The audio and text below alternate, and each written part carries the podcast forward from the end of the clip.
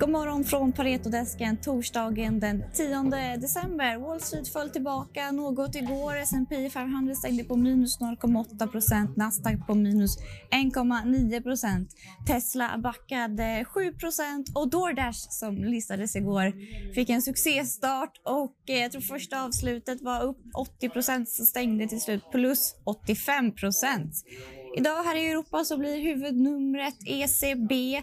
Centralbanken väntas lämna räntan oförändrad men Lagarde talar 14.00 och det blir intressant för vi väntas få nya penningpolitiska lättnader.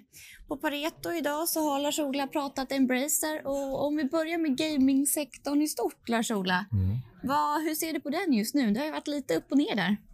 Eh, men du menar aktier nu? Men om, jag menar aktier. Om, om, om, vi tar marknaden som sådan liksom, så, så är det fantastiskt. Och Newzoo som är den stora eh, marknadsundersökningsorganisationen som publicerar estimat på sektorn, de har ju dragit upp nu marknaden från 160 till 175 miljarder i år. Och mm. eh, det är ju samtliga liksom, vertikaler och regioner, liksom, om vi tar plattformar som man spelar på, regioner som det har överraskat på uppsidan. Och det är till följd av corona som har accelerera liksom, tillväxten. Mm. Eh, och enligt dem så tror de ju inte liksom, att det här nu bara kommer falla från en klippa liksom, till, till följd av ett vaccin, utan det är snarare mer att eh, gaming som sådant har, har accelererat. Men det är klart att folk kommer att spela lite mindre, lite mindre frekvent nästa år. Men det har kommit in många spelare också som är nya mm. i, i marknaden. Men hur många förvärvsbolag kan det finnas? Det, ja, det, finns, eh, det har ju blivit väldigt många förvärvsbolag liksom i, i, i Norden, i Stockholm. Nu har vi ju förutom Embracer och Stillfront som är de som vi har följt längst. Så nu har ju EG7 verkligen etablerat sig och fått upp farten, gjorde ett fantastiskt förvärv där i USA med Daybreak Games. Och MTG är tillbaka på banan igen. Mm. eh, och eh, köpte här nu Hutch Games i veckan, liksom jätte, jättefint bolag. Och, så att, eh, Ja, det är, marknaden är stor, det finns väldigt många bolag, det finns goda möjligheter. Sen eh, ska man ha en organisation som klarar av förvärv också mm. och att man lätt kan integrera och eh, det faller väl i strategin. Liksom. Och ett bolag som verkligen klarar av förvärv och integrerar dem in i organisationen är Embracer, mm. som du är positiv till och har varit länge. Hur, vad tror du om Embracers chanser att bli Europas största gamingbolag? Jag tror de är väldigt, väldigt goda eh, mm. faktiskt. Eh, Ubisoft som just nu har, har den platsen, eh, de rör sig lite långsammare. Och eh, rent historiskt och även nu så har Ubisoft väldigt stora budgetar i sina, sina produktioner. De är inte speciellt aktiva på M&A, men de får inte riktigt, riktigt avkastningen på de här stora produktionerna.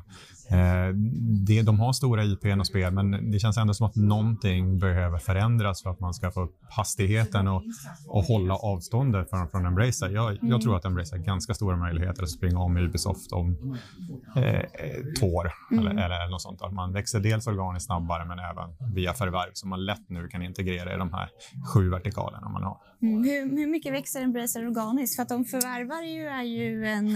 Det är ju ingen tvekan om, men organiskt då? Mm. Spelverksamheten, alltså det är ju också hur du definierar eh, organisk tillväxt. Där. Nu säger de att det är förvärv som inte har varit med de sista fem kvartalen. Då växte spelverksamheten 61 procent. Men det är klart, det är från en lägre bas än det vi ser just nu i mm. resultaträkningen, så små barn växer snabbast.